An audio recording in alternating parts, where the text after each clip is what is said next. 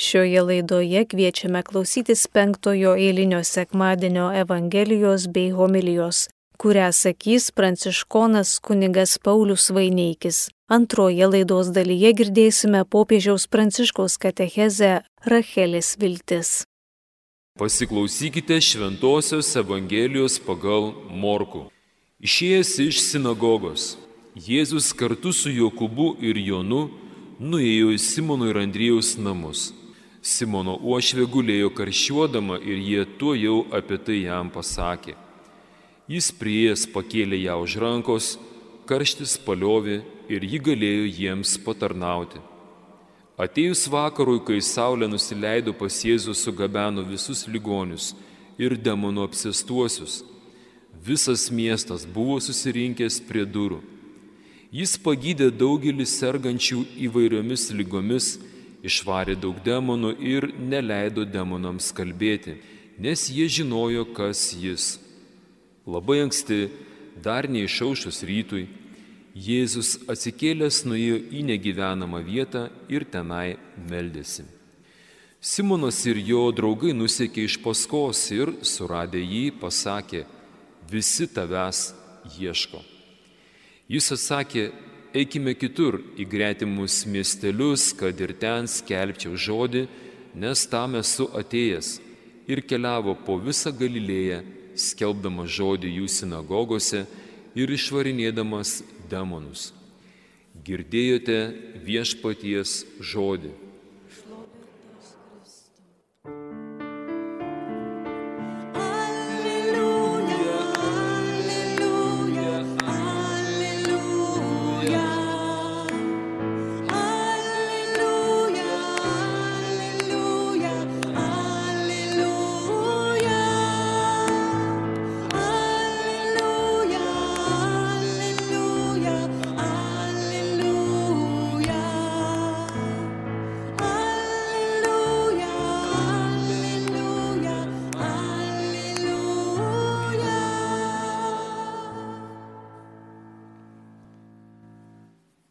Šiandien mūsų Dievo žodis prasideda tokiu veiksmu, Jėzus išeina iš sinagogos ir kartu su Jokūbu ir Jonu nueina į Simono ir Andrijaus namus, eina į Petro namus.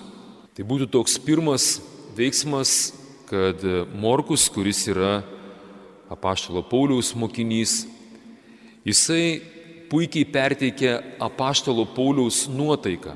Jeigu dabar esate girdėję, štai pasirodė apaštalo Pauliaus laiškai, naujas vertimas su geru komentaru, ten galėsite gerų visokių dalykų sužinoti. Tai va, apaštalas Paulius, jisai labai konkrečiai bandė vykdyti Jėzaus paliepimą skelbti Evangeliją ir jisai tą darė nuoširdžiai kiekvieną kartą kažkur tai nuvažiuodamas, jis pirmiausiai skelbė Evangeliją žydams, savo tautiečiams, išrinktai tautai.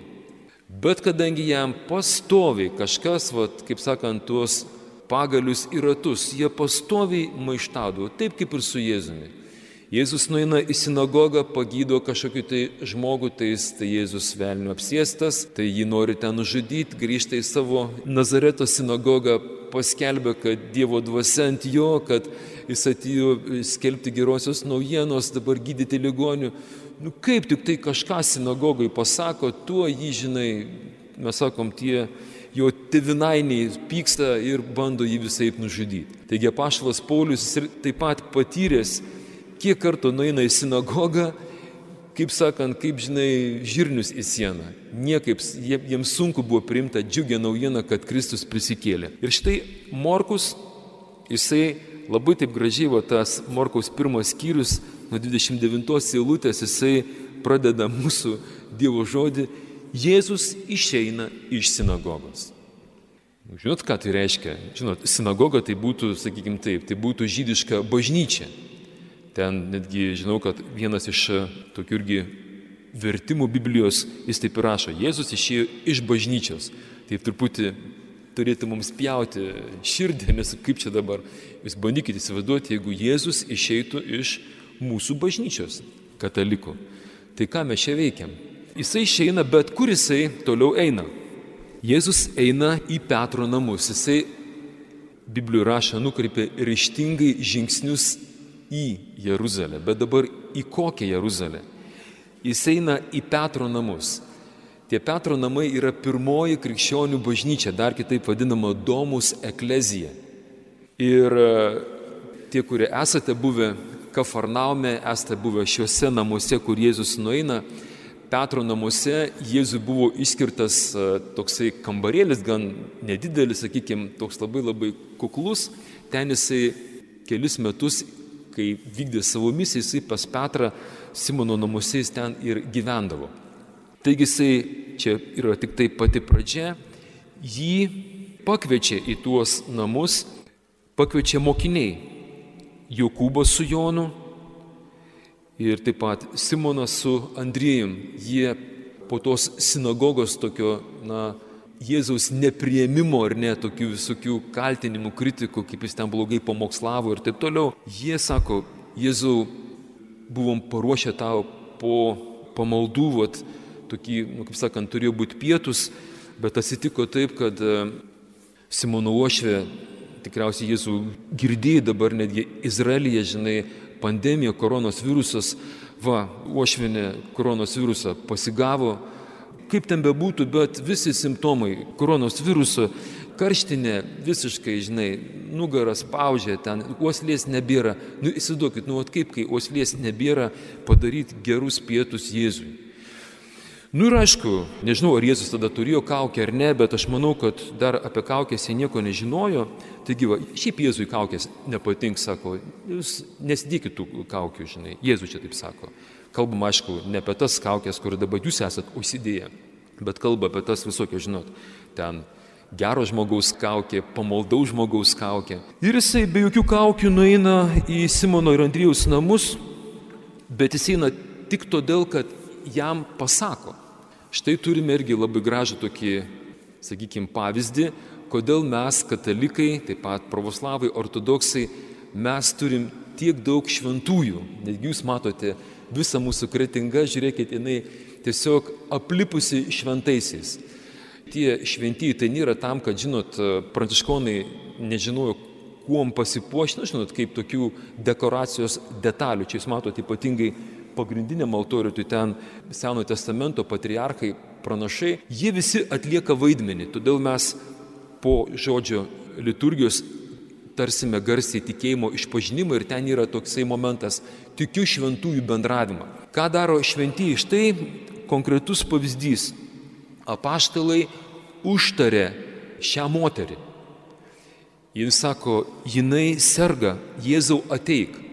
Ką daro mes, žemaičiai, kretingiškiai, kai ateina pas mus? Žiūrėkit, tiesiog prie Švento Antano ten pastovi dega žvakutės, prie Dievo motinos dega žvakutės, taip pat vat, apeinam štai ten šventoji šeima, ten Barbora Švens e, Pranciškus, Klara.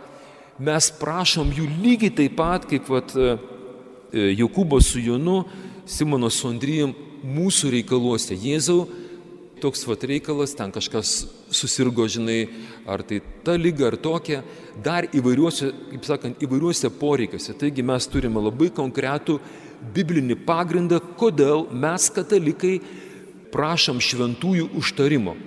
Kadangi šventieji ir mes patys taip pat esame kaip tie šventieji, mūsų irgi taip pat prašo, sako, broli, ir galit pasimelsti, va ten kažkas atsitiko, būkite geras ten arba mišiose prisiminkit. Tai va, mes darom tą dalyką, mes užtariam mūsų brolius ir seseris jų reikaluose.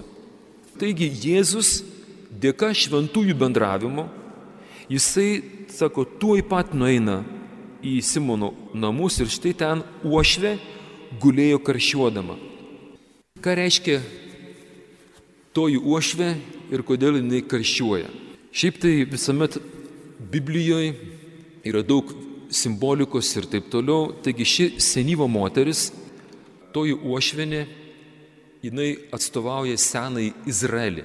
Čia labai taip gražiai taip susiję. Išėję iš sinagogos. Matot, Jėzus išeina iš sinagogos, tai yra seno mąstymo arba seno testamento žydų tauta, kuri atmeta Jėzų Kristų.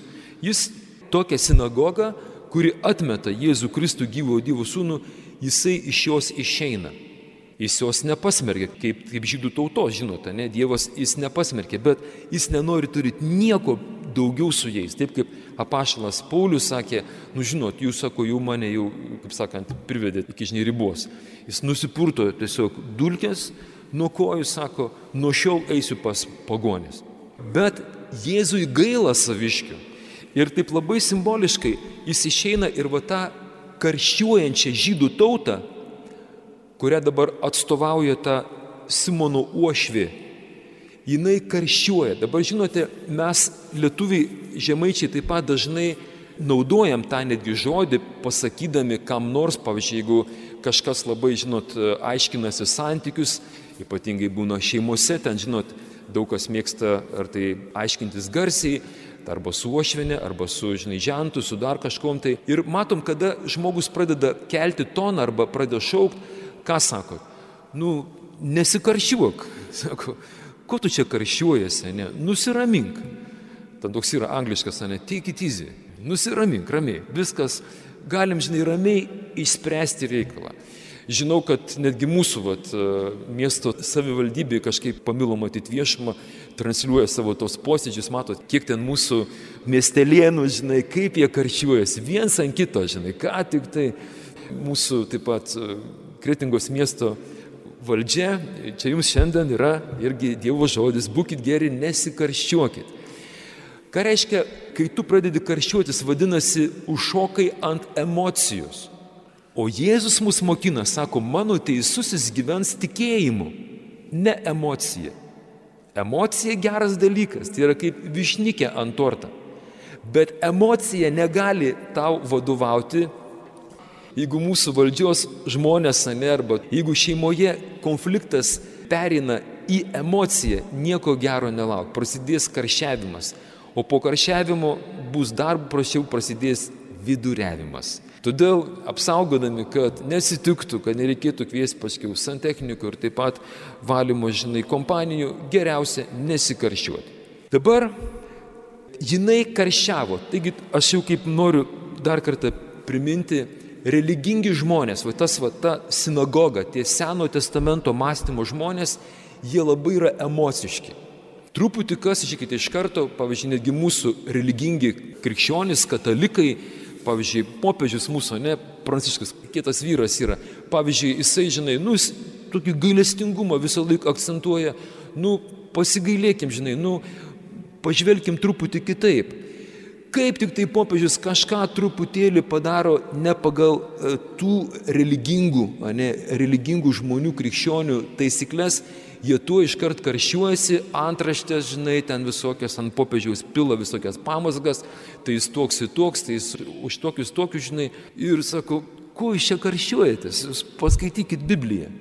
Ne tik tai Seną testamentą, bet ir Naują, vad kaip klausėtės, ne, pavyzdžiui, Jobas, vad iš Jobo knygos Seno testamento Dievo žodis jis toksai pesimistinis. Žiūrėkit, jeigu esi sinagogos narys arba esi toksai, mes sakom, taisyklių sergėtojas, tai šiek tau bus, ko gero, gyvenimas atrodys taip kaip tam Jobui.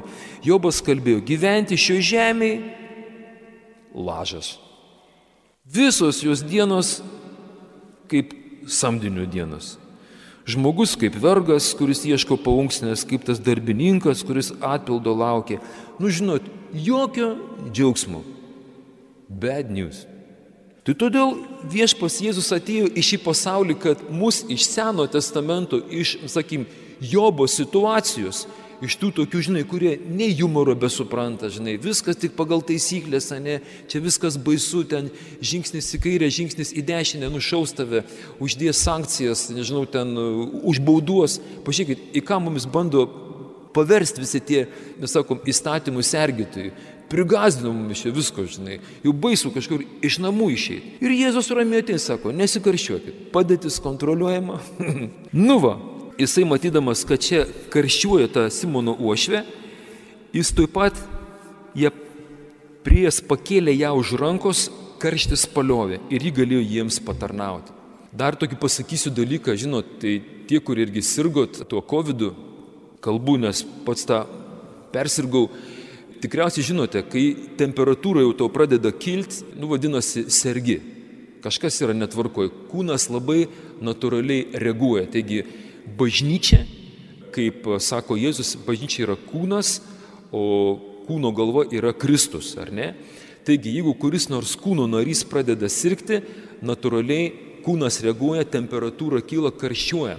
Taigi yra toksai mums ženklas, kad jeigu mes nepakeisime mąstymo, mes kaip ta uošvenė irgi krikščionis, katalikai, mes pradėsim sirgti. Ir tas atsitinka labai labai dažnai.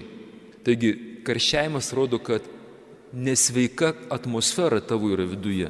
Bet štai jeigu tu pasikvieti Jėzų į savo gyvenimą taip kaip Simonas pasikvietė Jėzų į savo namus, padėtis keičiasi. Jėzus, jisai kiekvieną iš mūsų, kaip ta Simono uošvė, jis nori išgelbėti. Bet jeigu mes pradėsim priešintis tam išgelbimu, sakyt, ką tu man čia, žinai, nereikia tos tavo pagalbos, aš pats. Aišku, būtų sunku tą uošvinę išgelbėti. Bet jisai, kadangi Jėzus yra ne tik gyvojo Dievo sūnus, jis yra taip pat ir jaunikis, yra karaliaus sūnus, jisai žiūri į mus, į bažnyčią kaip į savo nuotaką. Ir tik tai jaunikis prašo jaunosios rankos, argi ne taip. Ir čia yra nuostabus gražus gestas.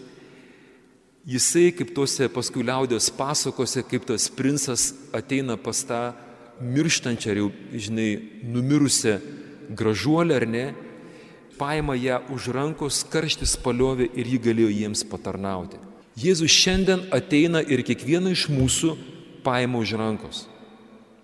Tie, kurie esate draugavę, kurie esate įsimylėję, Žinote, kaip yra svarbu paimti mylimą žmogų už rankos. Labai dažnai toji bažnyčia, va ta mūsų katalikų bažnyčia šiandien, jinai daug yra kaltinama, kritikuojama ir kiek nedaug yra tie, kurie su tokia meilė kaip Jėzus tą mūsų netgi katalikų bažnyčią, kaip targis amžiuje esančią moterį, ją reikia paimti už rankos, nuraminti pagelbėti vieni kitiems. Ir šitas gestas, kurį padarė Jėzus, tai yra tai, ką jis parodė ir jūs taip darykit. Paimkite savo bendruomenę už rankos.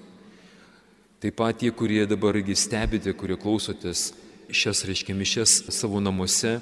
Ir tikrai kviečiu kiekvieną, jeigu žinote, kad jūsų parapijos galbūt klebonas, galbūt kunigas, gal net vyskupas, Gal jis irgi karščiuoja, gal ta parapija karščiuoja, gal bendruomenė karščiuoja.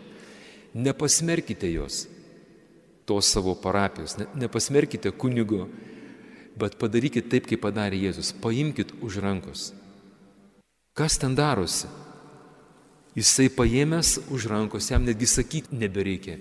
Jis nuramina situaciją. Jėzus yra tas, kaip sako, aš atėjau kaip gydytojas pas ligonius o ne pas sveikuosius. Atėjau kaip teisusis pas nusidėlius, o ne pas teisiuosius. Šiandien Jėzus ateina į mūsų aplinką, į mūsų besikaršiuojančią Lietuvos visuomenę, į besikaršiuojančias visas įstaigas, šeimas.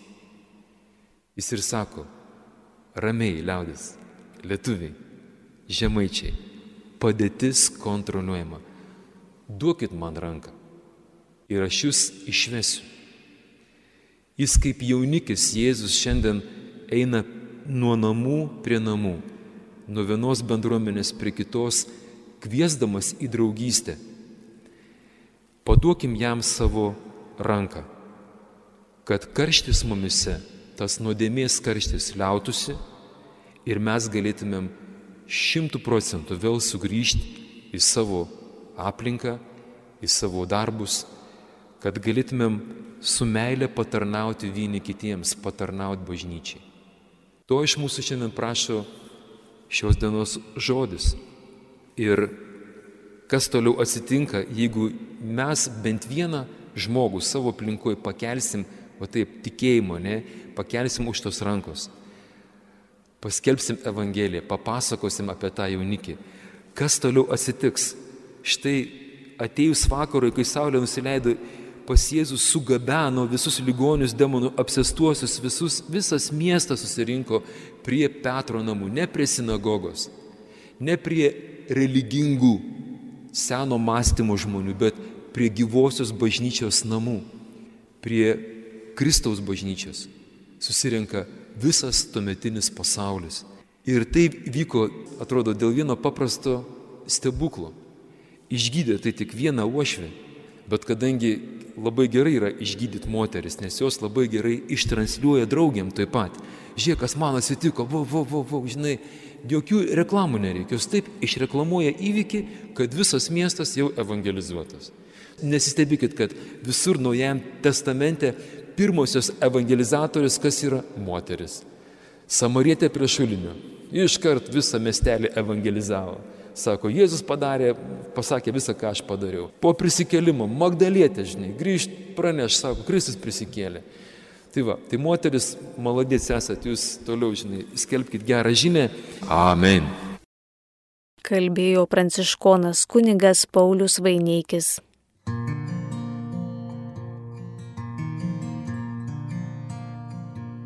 Viešpatie, aš ateinu,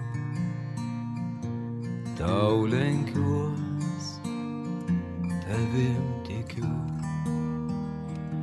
esu pražuvęs, be tavęs, Jėzau mano širdį ves.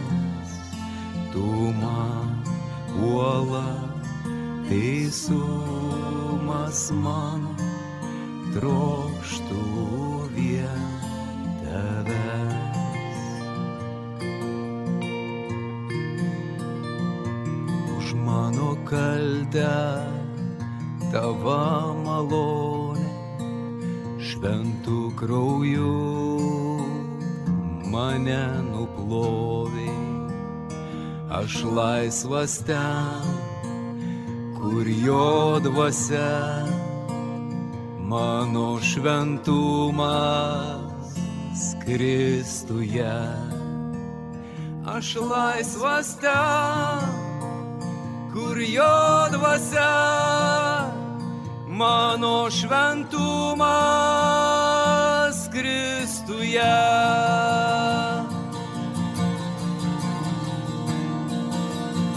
Dieve trokštų vien tavęs,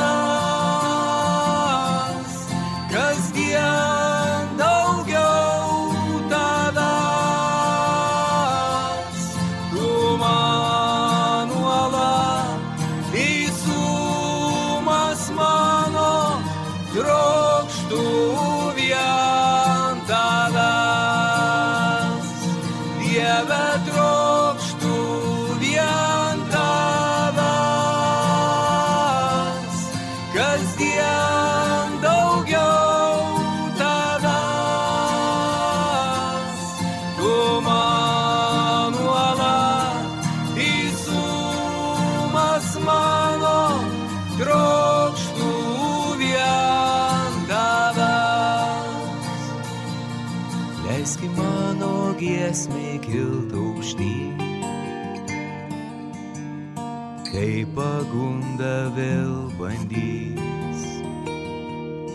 Bejėgis krisiu aš tavo anglėbin. Jėzau, tu mano viltis. Bejėgis krisiu aš tavo anglėbin.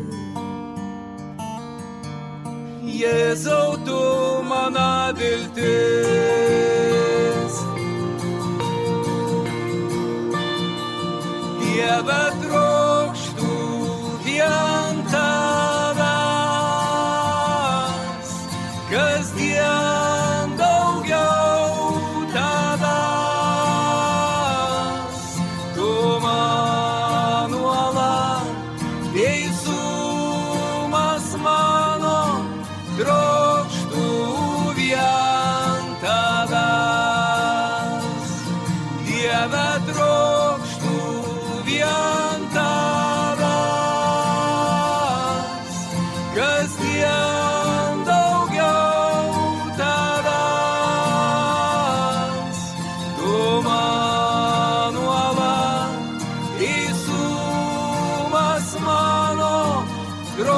Trokštų vien tavęs.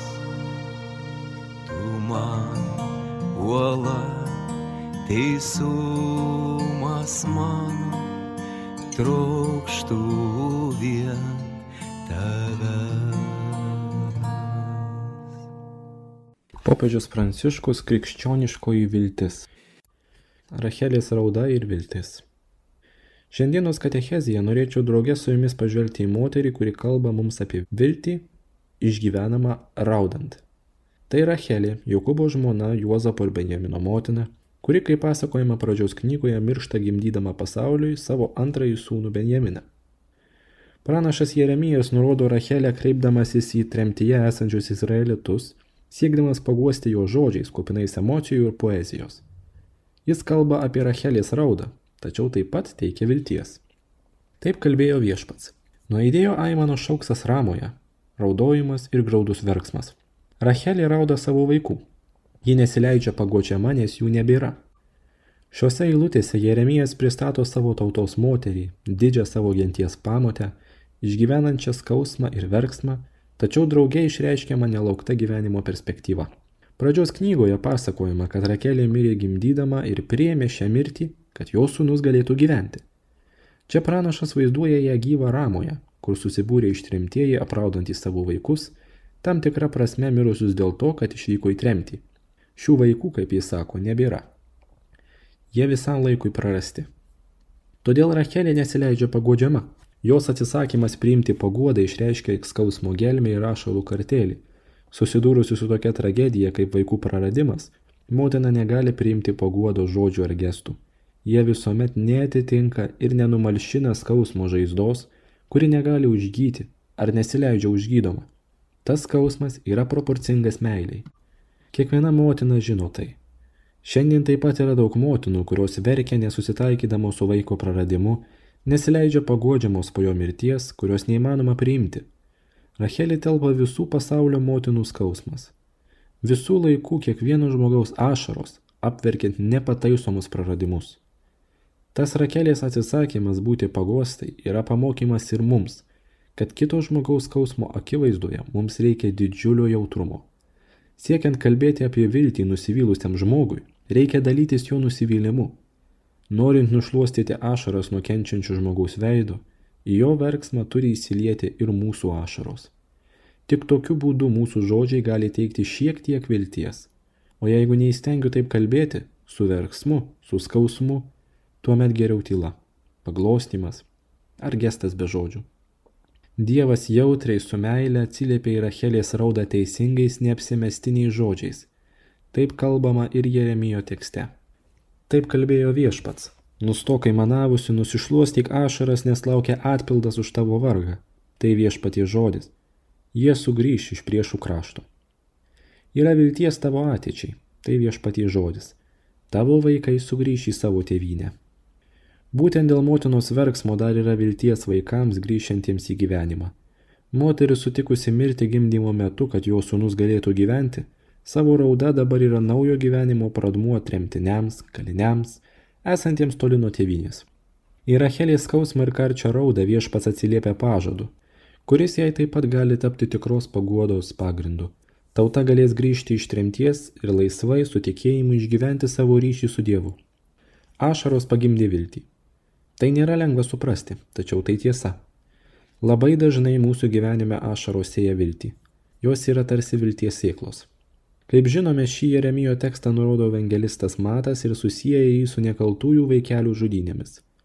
Šis tekstas mums atskleidžia tragediją negalinčių apsiginti žmonių žudynės, gyvybę niekinančios ir naikinančios valdžios siaubą. Petlėjaus kūdikiai miršta dėl Jėzaus, o jis, nekaltasis savinėlis, savo ruoštų vėliau mirs už mus visus. Dievo sūnus įžengė į žmonių skausmą. Nedėra to pamiršti. Kai kas nors kreipiasi į mane ir užduoda sunku klausimą. Pavyzdžiui, tėve, Pasakykite, kodėl kenčia vaikai? Aš iš tikrųjų nežinau, ką atsakyti. Sakau tik tai, pažvelk į nukryžiuotai. Dievas davė mums savo sūnų. Jis kentėjo. Gal ten rasi atsakymą. Tačiau čia, parodo į savo galvą, atsakymo nėra. Tik žvelgiant į meilę Dievo, kuris atiduoda savo sūnų, aukojantį savo gyvybę už mus, galima nurodyti pagodos kelią. Todėl sakome, kad Dievo sūnus įžengė į žmonijos skausmą, jis tapo mirties dalininku ir ją priėmė. Jo žodis yra galutinis paguodo žodis, nes gimsta iš raudos. Ant kryžiaus jis, mirštantis sūnus, apdovanoja savo motiną naujų vaisingumu, patikėdamas jai savo mokinį Joną ir padarydamas ją tikinčiųjų tautos motiną. Mirtus nugalėta ir drauge išsipildo Jeremijo pranašystė. Marijos ašaros panašiai kaip Rachelės pagimdė viltį ir naują gyvenimą. Ačiū. Girdėjome penktojo eilinio sekmadienio evangeliją bei homiliją, kurią sakė pranciškonas kunigas Paulius Vaineikis, taip pat popiežiaus pranciškaus katechezė Rachelės viltis.